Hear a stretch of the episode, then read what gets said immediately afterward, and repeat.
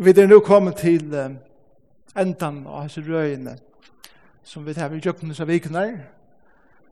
Gjer tryggven mun.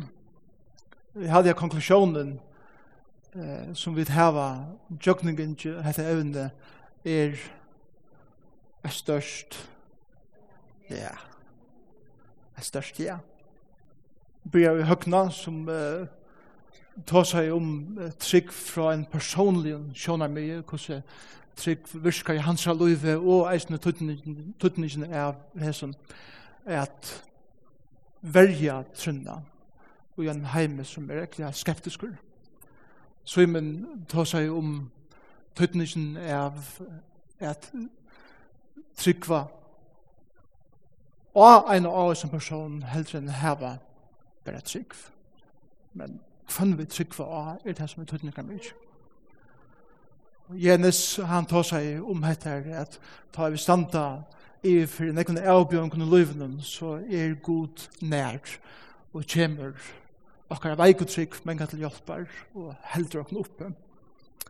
Og han tar seg om dette, her, at, at trykva god at han er det stier eisne ut de svare omstøvnene og i løyven ta i pynan og sorgen er verlig.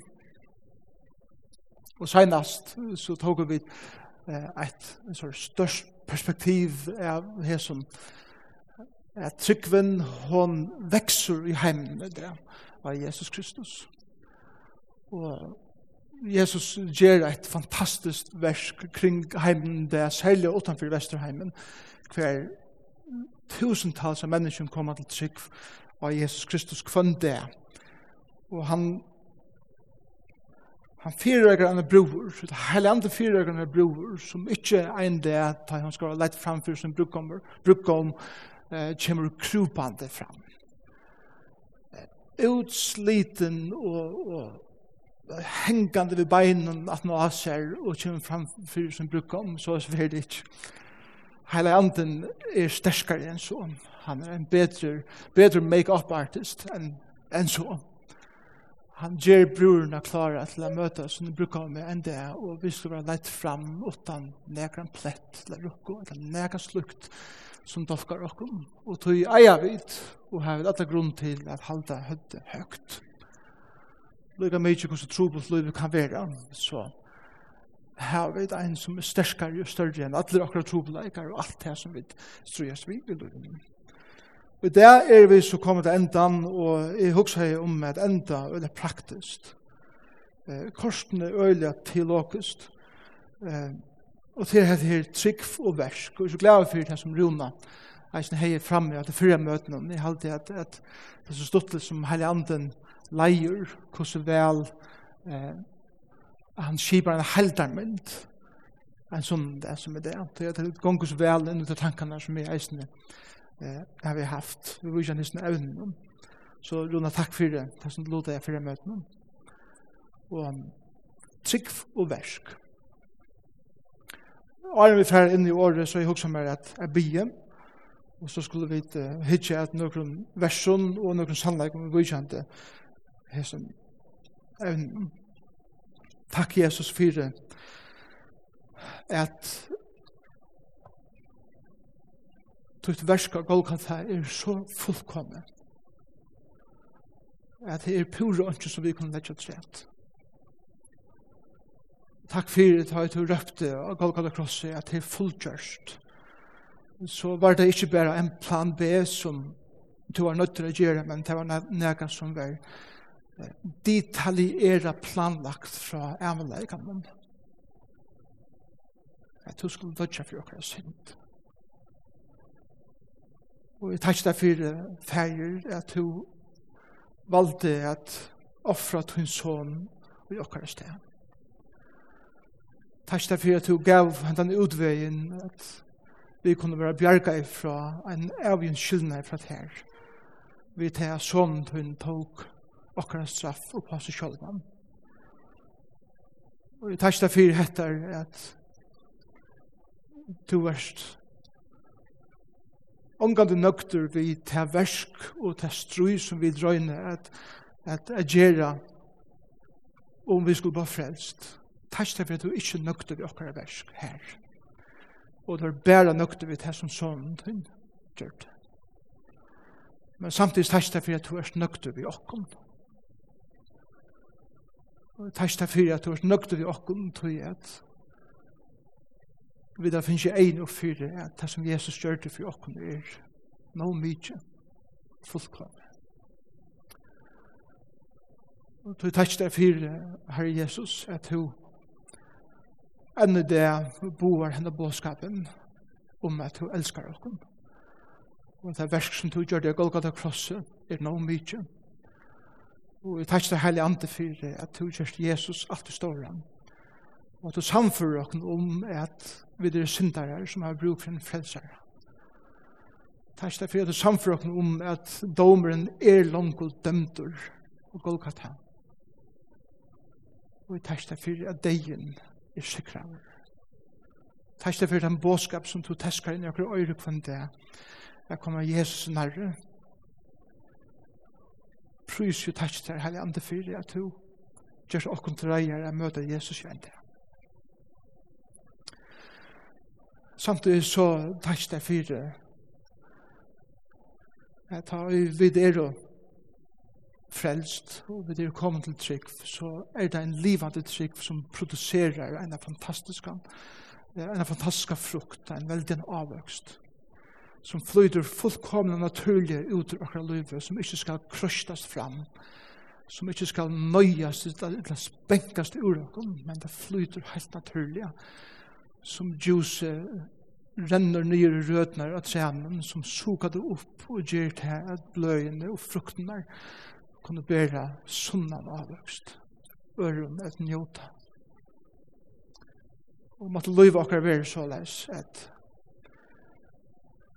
at Josef flyter helt naturlig opp i greinene og ut i fingrene så, så vi arbeider gjøre versk som flåta naturliga fra akkurat samfunnet vi til, og enda mål som tog har i akkurat liv. Be her om at dette skal være sannleggen som kommer fram med det, og så langt vi kommer så vi har fram. Takk deg for, Herre Jesus. Jeg vil da løyve å være sammen med det. Jeg elsker det, vi er ære til, vi gjør at her at han heier, og vi gjør at her at han dård, og vi takker deg for det, den verkeleika som du skaper i livet og unnsja, hver næstakon som er her i det, og menneskjon hele tiden Og i Jesus er navnet. Amen. Jeg husker meg at Lise, noen vers jeg begynner vi, for bli jeg synder i skriften under morgen, vanliga så taler jeg fra en verset og utlegger til morgen vil jeg jag under meira eh, bläging. Vi skal lese Rombrev kapitel 4. Brenner noen få vers her beint. Paulus sier i første verset, hva skulle vi ta sida at feir akkur Abraham har vunnet etter holdt om, spørsmålstegn, så sier han, om Abraham var rettforskjører av verskun, hei og sånn det at rosa seg av, så er det nei. Ikke for gode, skriften sier Abraham tror gode. Og det, altså, tryggven var råkne hånden til rettforskjørte. Altså, til rettforskjørte. Tryggven var det som rettforskjørte Abraham. Ikke hans er versk, sier Paulus. Tann og viskar eller tann og gjer versk, hon er vel lønnen råkna til at her han, til han oppforbore. Ikke han nøye, men så nekar han eier av. Men tann og ikke viskar altså tann og ikke gjer versk, men tror og han, som ger hin ogodliga rattvisar, rattvisan, honom ver trygg for hans herre rokna til rattvisar. Så sier Paulus i, i eh, fyrsta vers i finta kapitlet, rattvis gjørt av trygg her vi tøyne og fri vi god vi herre akkara Jesu Krist. Så Paulus sier pura greit her at da det kommer til rattvisgjering, og av er gjort rødt i for gode, så er det vi trygg av Jesus Kristus. Og uh, hans er endur løysande versk i livet okkar og hans er endur føyingar versk i livet okkar så er det trygg og hans er fullkomna versk og Golgata Kross. Så skulle vi bli fram til uh, Efesus brevet kapitel 2 og eisen leser noe kjent vers her. Og her sier Paulus så leis tui av nøye er det frelst, vi trygg. Og det er ikke av tøkken sjolvun, det er gava gods. Ikke av verskun, for at angen skal rosa seg. Einar for at træt stafes til Paulus, at det er av nøye gods, og vi trygg av Jesus Kristus, er vi vi er frelst. Så skulle det bli til Jakobs brevet, Så jeg er 204 Jakobs brev kommer 18 av Hebreer brev og bant av den for Peters brev. Han ligger i midten Hebreerne og Peter. Så jeg er 204 andre kapittel i Jakobs brev. Og bare lese uh, noen vers her eisene. Vel, først er det vers 14. Hva hjelper det brødmønner om ein sier han hever trygg, tar han hever ikke versk man tryggven for frelst han, så er det nei. Og så er det vers 16.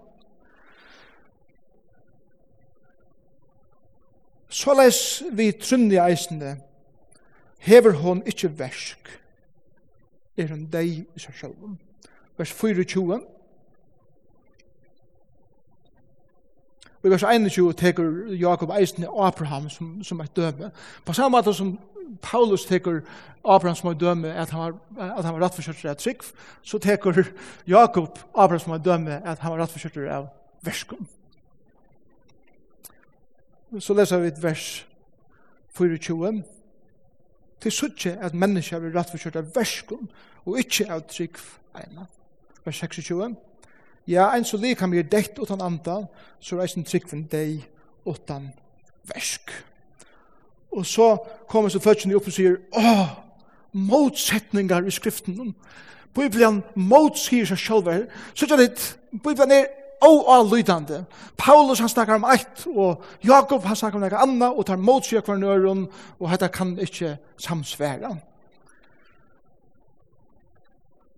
Og grunnleggjande grunnleggjande mer reglan i bibeltolkan er tanna, vi kommer alltid til skriften der, vi har sånn at Bibelen samsfærer, alltid. Og ta det seg ut til seg samsfærer, så er det et eller annet som vit ikke har finnet egen og fire enn, eller ikke skilja til fullnær, og så videre. Og til kan jeg spørre spørningen, er det noe som kan være trykanta og fyrakanta hvis hen? Det virker nok så ålåkest, gjør det ikke? Kan det være trykanta og fyrakanta hvis hen? Ha? Haljanten? Hva sier du? Er som han hent ned, ja. Ok, men hvis det er bare rent fysiskt, um, under uh, loven av tingrekraft og alt det forskjellige. Um, um, en pyramida. Ta du hikker etter henne fra stendur av hjørnet, så sørst du en pyramida som er trykantan. Og det var litt oppom pyramiden og sørst nyer av henne, Hva er det så? Så hun får kanta. Så det er nekka vi perspektiv at gjøre, at, at ein kan standa framfor pyramidene i Egyptlandi og sige, hykk, her er det som egnet kommer suttja, hun er trykanta. Vum. Og hinn sier, jeg er en flikkvær, til kjent turen meg. Så flikkvær der pyramiden, og han sier, wow, pyramiden er fyra kassar. Og jeg hadde alle gode mynd av eh, Bibel som sannar på mengan. At vi tar veldig ofte ho er sier antil eller. Antil er det så, eller er det ikke så. Og vi kommer ofte til hendan spurningen, at det er store til og spurninger eh, på tammatan. Og vi, vi glemmer eh, at til noe som er det bæge og. Eisne. Det minner meg hinn som, som sier at, at, at til bæra bæge og er det for seg? Altså til alt eller bæra bæge og og, og, og det ligger ikke ordentlig ja. og så er det eisen vi hissen her um, jeg vet ikke jeg kommer snakke ut ui hetter som jeg vil hva sier men jeg skal bare lukka tega sammen om så er det skilja at, at det er en stor spurning som vi omrøtter. For noen år siden så, så, så kom en nødt huksan fram. Eh, eller hvordan hun ble enderfødt atter. Og til noe som amerikaner kallar for Lordship Salvation. Og til heter at det blir til bare å si at jeg har trygg av Jesus Kristus. Utan du eisende gjerst Jesus til herra så er det lordship salvation, at hvis, hvis du sier til trygg men det, ser, det sast ikke det særlig vel løvende kjøy der, så er det prekku på at du ikke er frelster. Du måst sige om Jesus er min frelsere, så er han eisen samtidig som min herre. Og så er det en motreaksjon til det som sier, nei, nei, nei, det kan du si at det som du gjør så er det at du sier ved en person at, at hvis vi ikke beina og sutja onker versk og avvøks i løyvin tja der, så er det størst spørsmålstekning om du heila tidsi frelstur, og så får folk ivast uh, alt etter hvordan aktivt de er for Jesus, om de er frelst eller ikke. Fyrir det tøy? Så er det hinn som sier, nei, nei, nei, det er bæra nøye. Versk er slett ikke de skulle ikke hugstast om til det kommer til at om Jesus kommer frelsere. Og til nøye og nøye og nøye og man har nøye som lette til heter at det ble til det som det kallar for cheap grace, altså bøylig nøye. Fyna sted, gjerne blett til himmels, så er det ikke farlig hvordan i livet og eh, i slipper til himmels og lykker av. Så det, det ble jo tveir ekstremer på av mena. Og til simpelthen til tog at man kommer til teksten og man hører ho at lese antil eller inni teksten og man då ikke skilja et større perspektiv og på at det som eh, høvendene av skriftene sier. Paulus hikker meire at sannleggen om eisen som han teker Abraham inn i myndina og man er fra. Og hikker etter frelseversen og trunni av Jesus Kristus som nega som bæra god kan skapa og gjerne menneska at få egin og fyri at det er nøkker ting i løyven til det kommer til mine trygg som jeg ikke kan letja nega et træt jeg må bare tryggva til som god hever lova og kvila og tøy. Og det sier Paulus vært her som rattforskjørte Abraham. Men Jakob stender mer nere i hjørnet, og hikker, hikker fra tøyperspektiven og sier, eh, og jeg tykker Jakobs brev eh, takler sin transportningen, at det er så folk som Jakob skriver til, som, som bare har sagt, ja, ja, jeg tykker Jesus Kristus, men det har ikke vittna, en vittnesbord om at han sastet her av løyve, og tog sier han, eh, Det er ikke så at det virker heldur. Det er hvis du bare gonger rundt og sier at du tror, men du ikke viser det i i, i din liv, så er det større grunn til at det spørsmålstegn til det som du sier. Han hikker etter fra en jørsk perspektiv, det som man ser eh, ut fra det som er hent inni ui. Det er bare noen ting som, det er noen ting som bare god kan gjøre. Det som Paulus sier til at Gud ser Det er bare Gud som kan sutja verleikan av nøkron som gonger fyrir seg inn i hjertan av menneskjon. Det er nøkron ting som vi ikke sutja. Gud ser og god veit for jeg er hans herre. Og han ser om det er en lydel smadronker, eller lydel smadjent, eller en vaksen mever, eller en eldre kvinna, som kommer til Jesus Kristus, og djupt inn i hjertan hun tror av han som det eneste som hun kan sette sitt alit av her i løyvene, da det kommer til å være frelst. God ser det. Det er det som Paulus sier. God ser det. Abraham var kattlaver fra en heitende lande lengt borster, er fylltja av god til etter, og god gav Abraham noe lyfte. Jeg skal sikna til, jeg skal sikna til et navn, jeg skal sikna til et folk, og ut fra tunne folk så skulle alle atter gjerne være sikna her.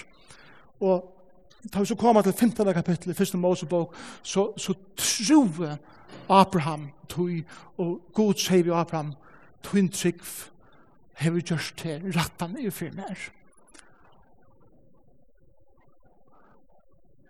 Jakob sier,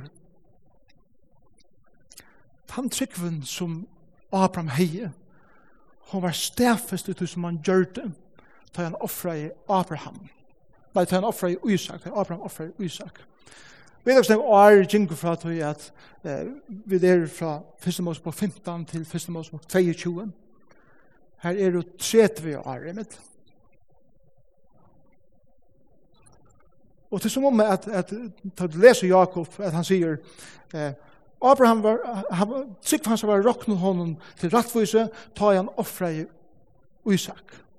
Men vi husker ikke om at her gikk ut 30 år for til Gud sier at om han til at han gjør det her. Og her i midtelen gjør det Abraham fullt av feilen han eh, til dømes, han er så mykje lutt til trygg for god at han får til Egypta land, og han sier vi kone sin, jeg sitter og siste munn, hvis du kongren vil heva det, til at annars mykje høtte. Han gjør det her fyrr. God kommer til Abraham og sier, jeg skal gjøre en sånn, som alle atter gjør en slags sikna i jøknum.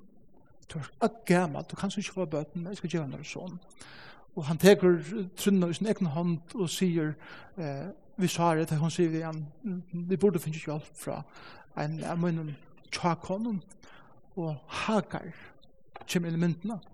Hei, hei, Paulus trygg for Han er mann trygg. Han var en skrøyplengur på nekka mat at han kjem til trygg. Vi tar ofte hoa at litt av Abraham på pedestolen som er fantastisk troar med over og troar hedja. Faktisk var han øyla vanlig da det kom til hans trygg. Han tror oss dette ikke er god for å klare det. Og Hagar fer Ishmael. Vi løyer enn under tog åløtten, strøy med araber og jøter, blir det her.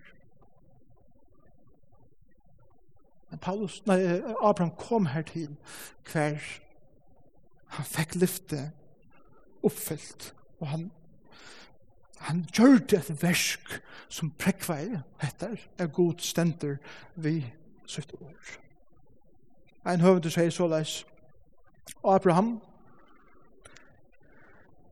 han er luttla trygg og en stor god. Men er det ikke negg bedre å ha luttla trygg og en stor god enn stora trygg og en luttla god? Og det er akkurat det som det snur seg om.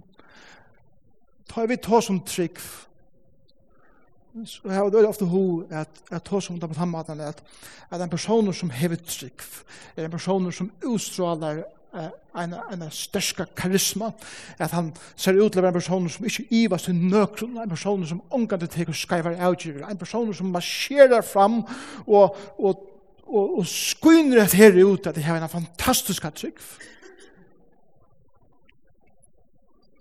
Men tar vi ikke etter Bibelen, og det ikke at suvar hetjene, så var det alt personer som er avspekler akkurat det øvrigt. Og trolig skrøypelig i folk. Full i feilen, full i vantrykk. Så er det Jesus sier at om du bare hever det, så pikke øverst litt trykk. Så man løyde sinnapskopp. Og bare gjør meg til. så skal det gjøre noe underfullt. Så at det er ikke kvantiteten av min trygg som det snur. Men kvann er investeret til å lytte lyttetrynna ui som det snur.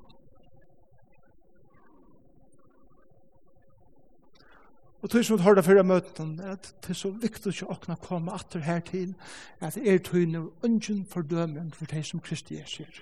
Jeg får det stedfest atter og atter, og for en vidtjen av hele andre atter, jeg stedfest at det fyrer om. Jeg tenker godt ved at det er sånne egne situasjoner i løven som jeg har føler at sikven som er så veik,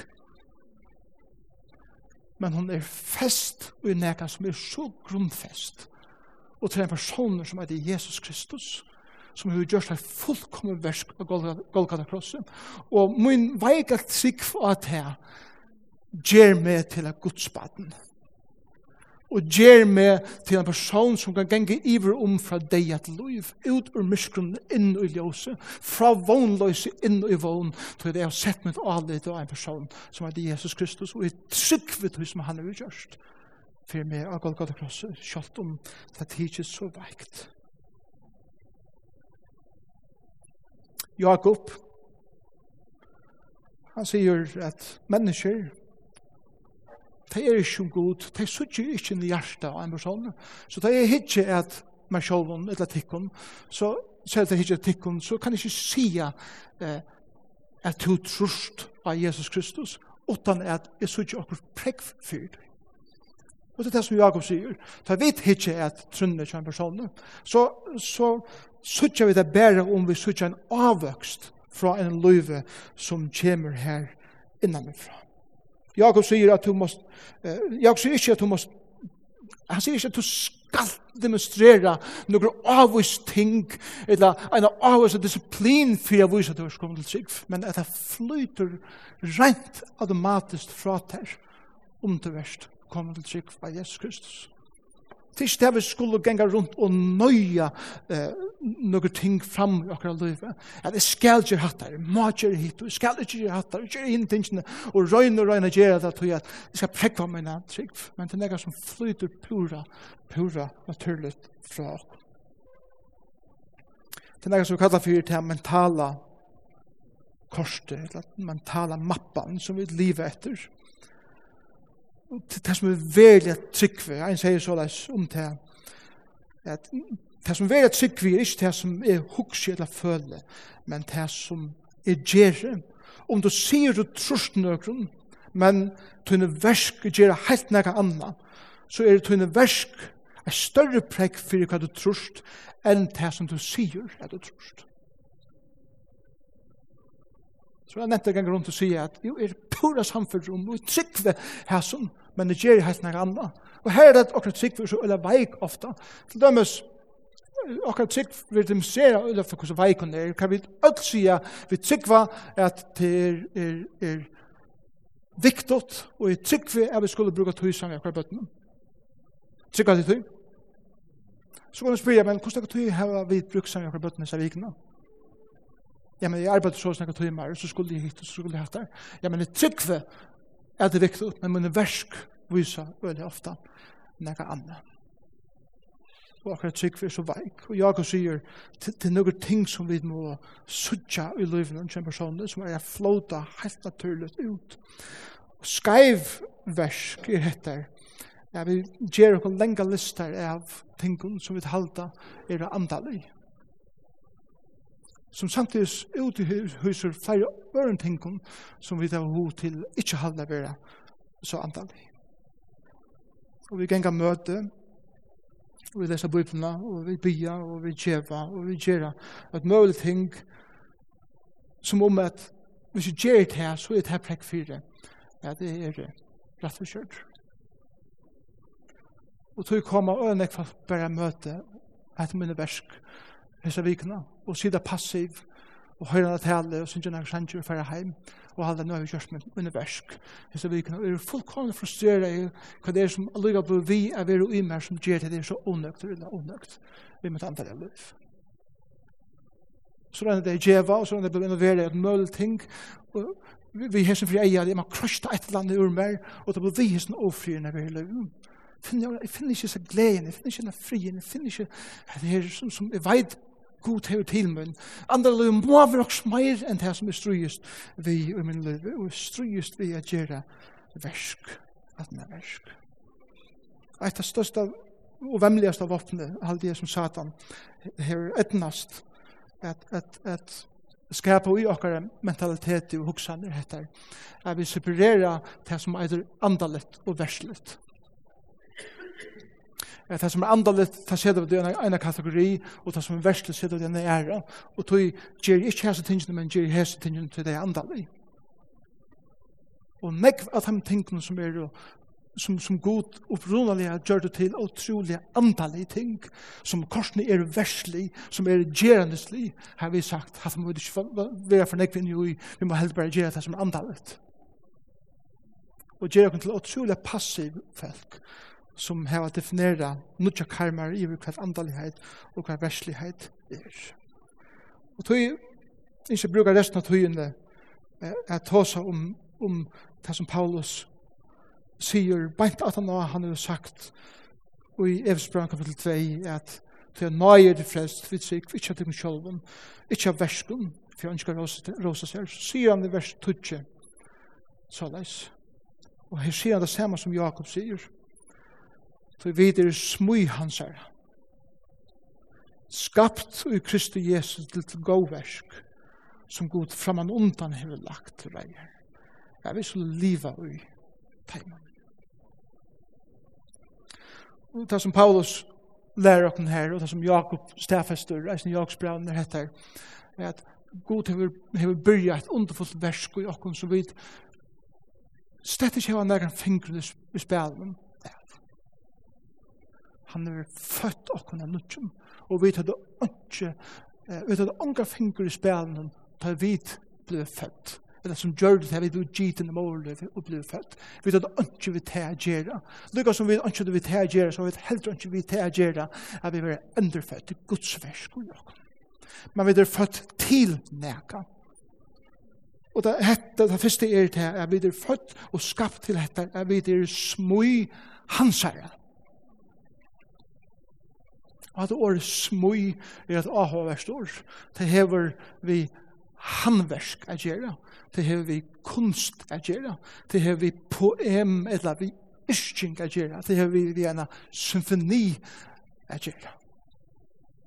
Og det som Paulus sier er, du er Guds symfoni. Du er Guds kunstverk. Mm.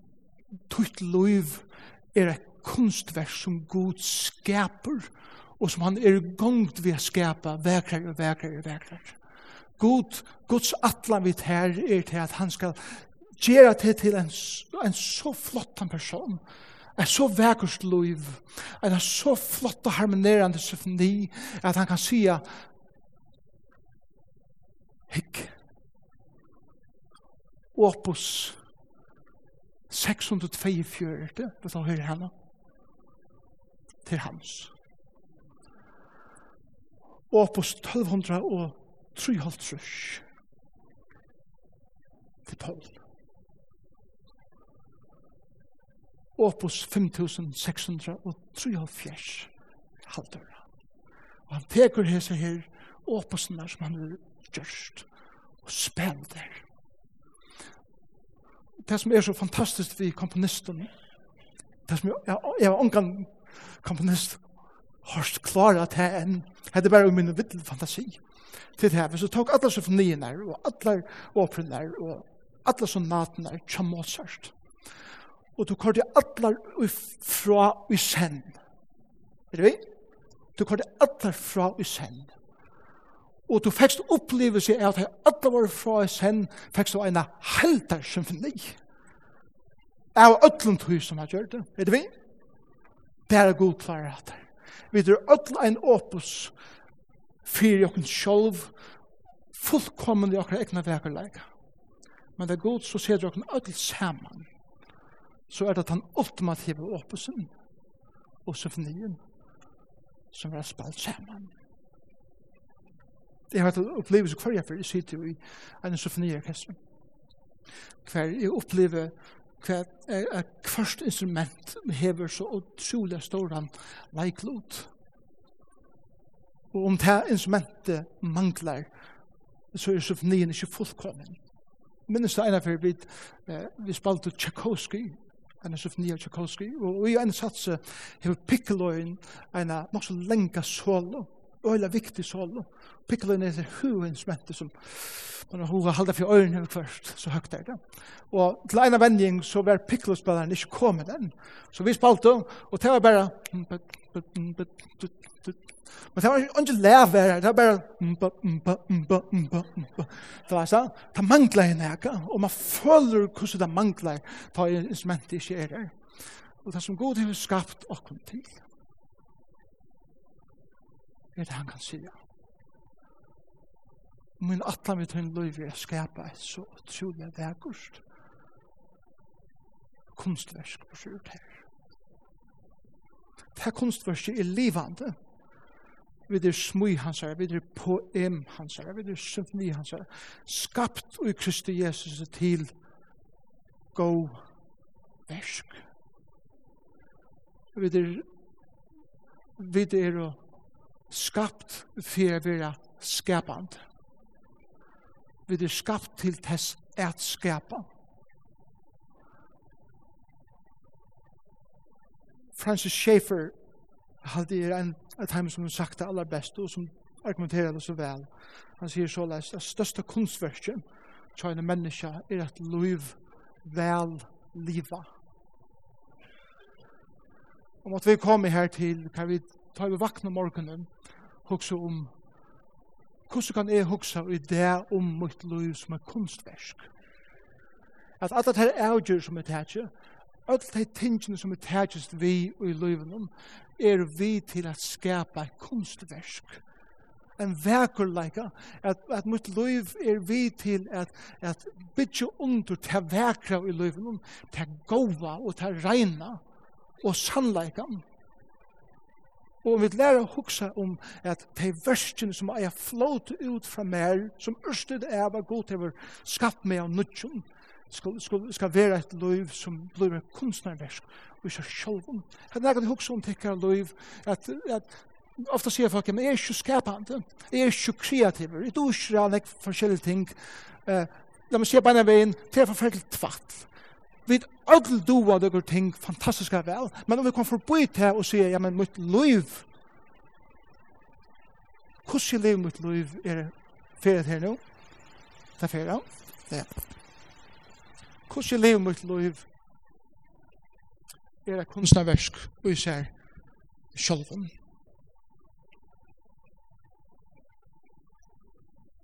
Og du vil si etter, du kommer hun er ferdig,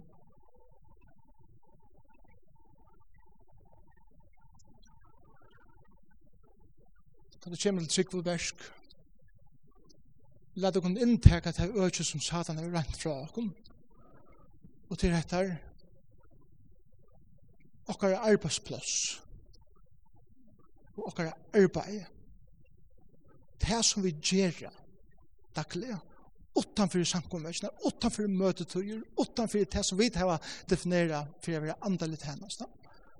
Det er kanskje det høvest arbeid som Gud har kallat det til.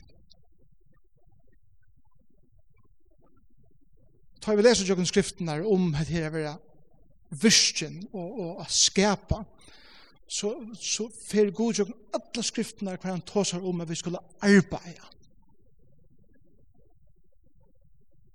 Ta i tempelet eller tabernaklet var bygd, så var det menn og kvinner som dutt og arbeidet ved treje og vi eh, materialen og vi eh,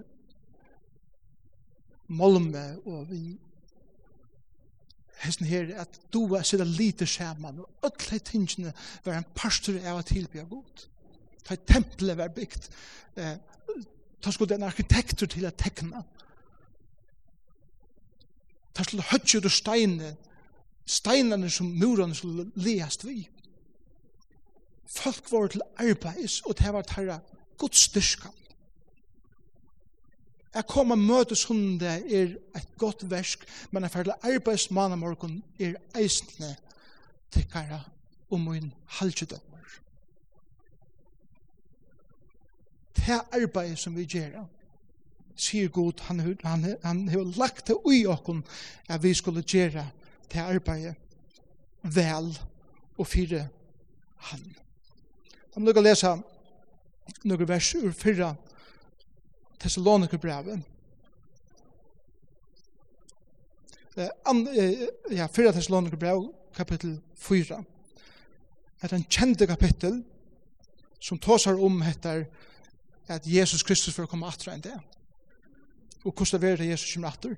Men Arna tåsar enn det, så sier han i vers 11, 4 Thessaloniker brev 4, 11. Sete ære tikkar ui at liva stittler og ansa hver etter sin ekna og arbeid. Arbeid. Men ikke bare til arbeid vi hånden tikkere. Så som vi søtte tikkene. Bent årene for tås som Jesus at det kommer, tåsar Paulus om hettar, til livet som vi lever 24 tjej, til arbeidet som vi gjør av i hånden. Det er arbeidsposten som vi har finnet arbeid av, er ein pastor av tog å gjøre god versk. Det er ein pastor av å at jeg er eh, frelstor, at jeg hører Jesu til. At, at hava disipline at ferla arbeids, manna morgun, er lykka størst disiplin og kanskje større som er kommet opp sånne morgun og ferra av møte. Vi drar alt kunstnærer, som skulle skapa nek. Tann skapanen krever disiplin, for vi kunne blå gå til det som vi gjør.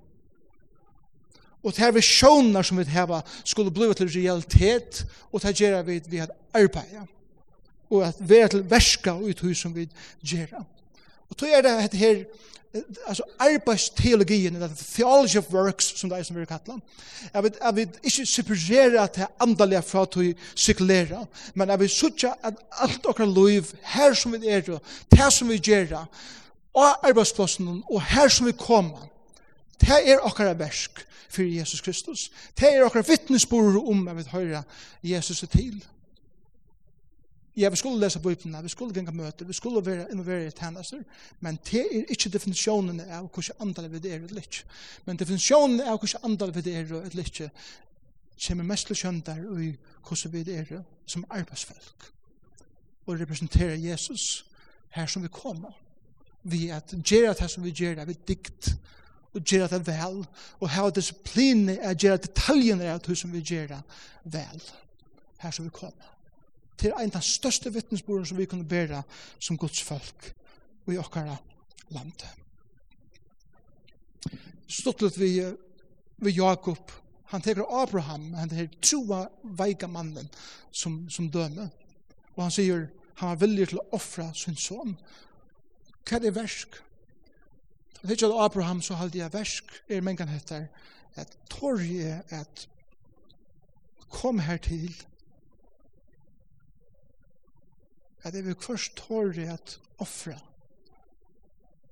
det som jeg menn kan halde så krampaktet ui. Og jeg vil djeva det ifr. Han teker en annan person som er stuttlet døme, og det er Rahab. Ikke stuttlet han teker Abraham og Rahab som, som døme iver hva er veldig trygg for Rahab. Var han ikke skøtje? Det er ikke det arbeid som vi dørlige. Vil jeg ta seg for en om?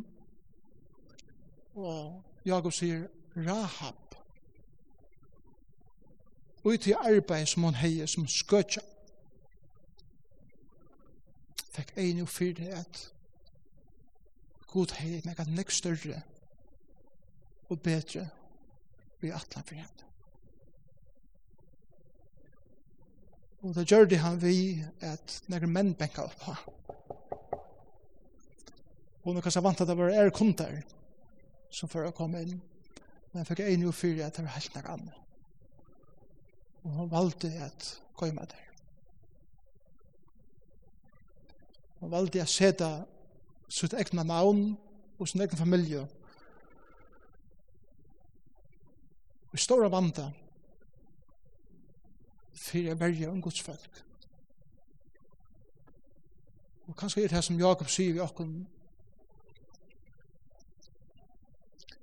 er så veldig til at vi først at offra sånn ek for at du seter til sjålvann, det står av vanda, for at verja om Guds folk. til at jeg har bruk for til ja. Hvordan er vi vilje at offra? Vi sier at vi ikke vilje offra mer enn hvordan intim vi er vi han som er frelst okkur. Og du skulle ikke fokusere på støttene eller kvaliteten av akkurat trygg, men fokusere på han som vi trygg var. Jesus Kristus. Og det smeira vi fokusere på Jesus Kristus og kvill i hånden, det smeira naturlig for versene av suttjast i akkurat livet.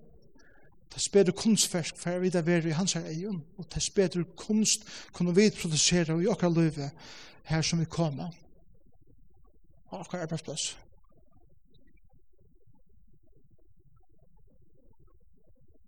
Ofta blir det helt det at onker, onker halte at det arbeid som jeg gjør er så øyelig antallet.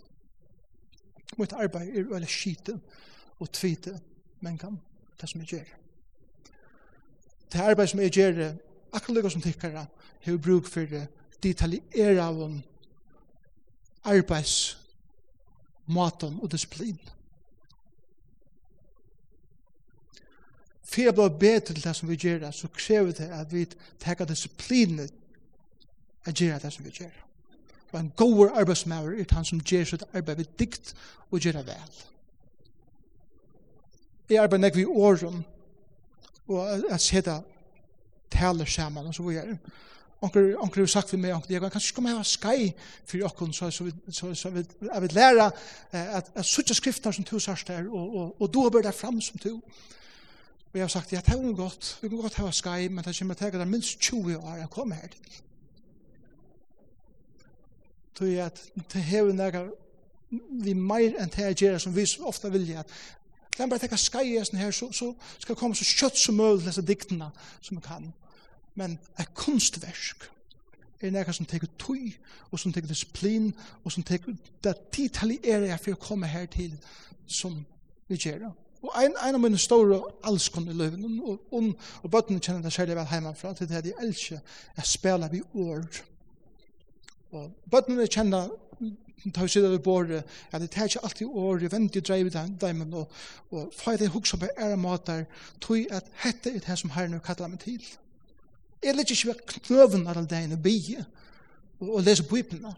Jeg arbeider konkret vi å lære noen ting, for at det som jeg gjør, kan gjøres enda bedre.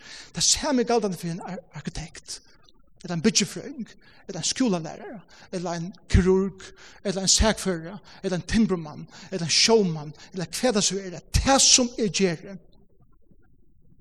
Og det er verskene som er gjerne, krevja noen ting.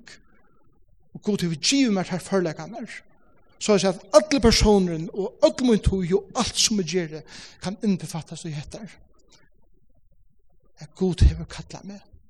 til er bare enn jeg kan for seg som ikke definerer av det som vi har sagt er andallet, og utenfor det som er sekulært, men omfavnande, det sen her som vi kommer, så, så vi kan innteka det som heimeren sier er sekulært, og satan er vi tidsin, og vi marscherer inn her etter og sier, god er hette og og vi skuina her som vi kommer, for han. Ta er spornugren, gjør tryggven mon relevant. Han er utrolig orelevant hvis vi bare definerer han innenfor akkurat pikka luttla, såkallet andalige øtje som er innenfor fyra vetsje en møtesæle. Og synder ut om. Meningsleser. Men han kommer til dette er at Herren er Herren over ötlum, ötlum områden løgnen, ta ikke for mål. Og måtte det være hese vikene, er vi færre ut, vi færre arbeids, og teka disipliner for oppmørsene og sier nå trekk inn min halvdom av vise verset, det som Gud har lagt ut med. Amen. Takk Jesus for ditt år, takk for at tryggven gjør. Takk for at tar vi ta som trygg for verk, så, så kommer det nere i huset fullkomlige, vanlige og gjerende stingene.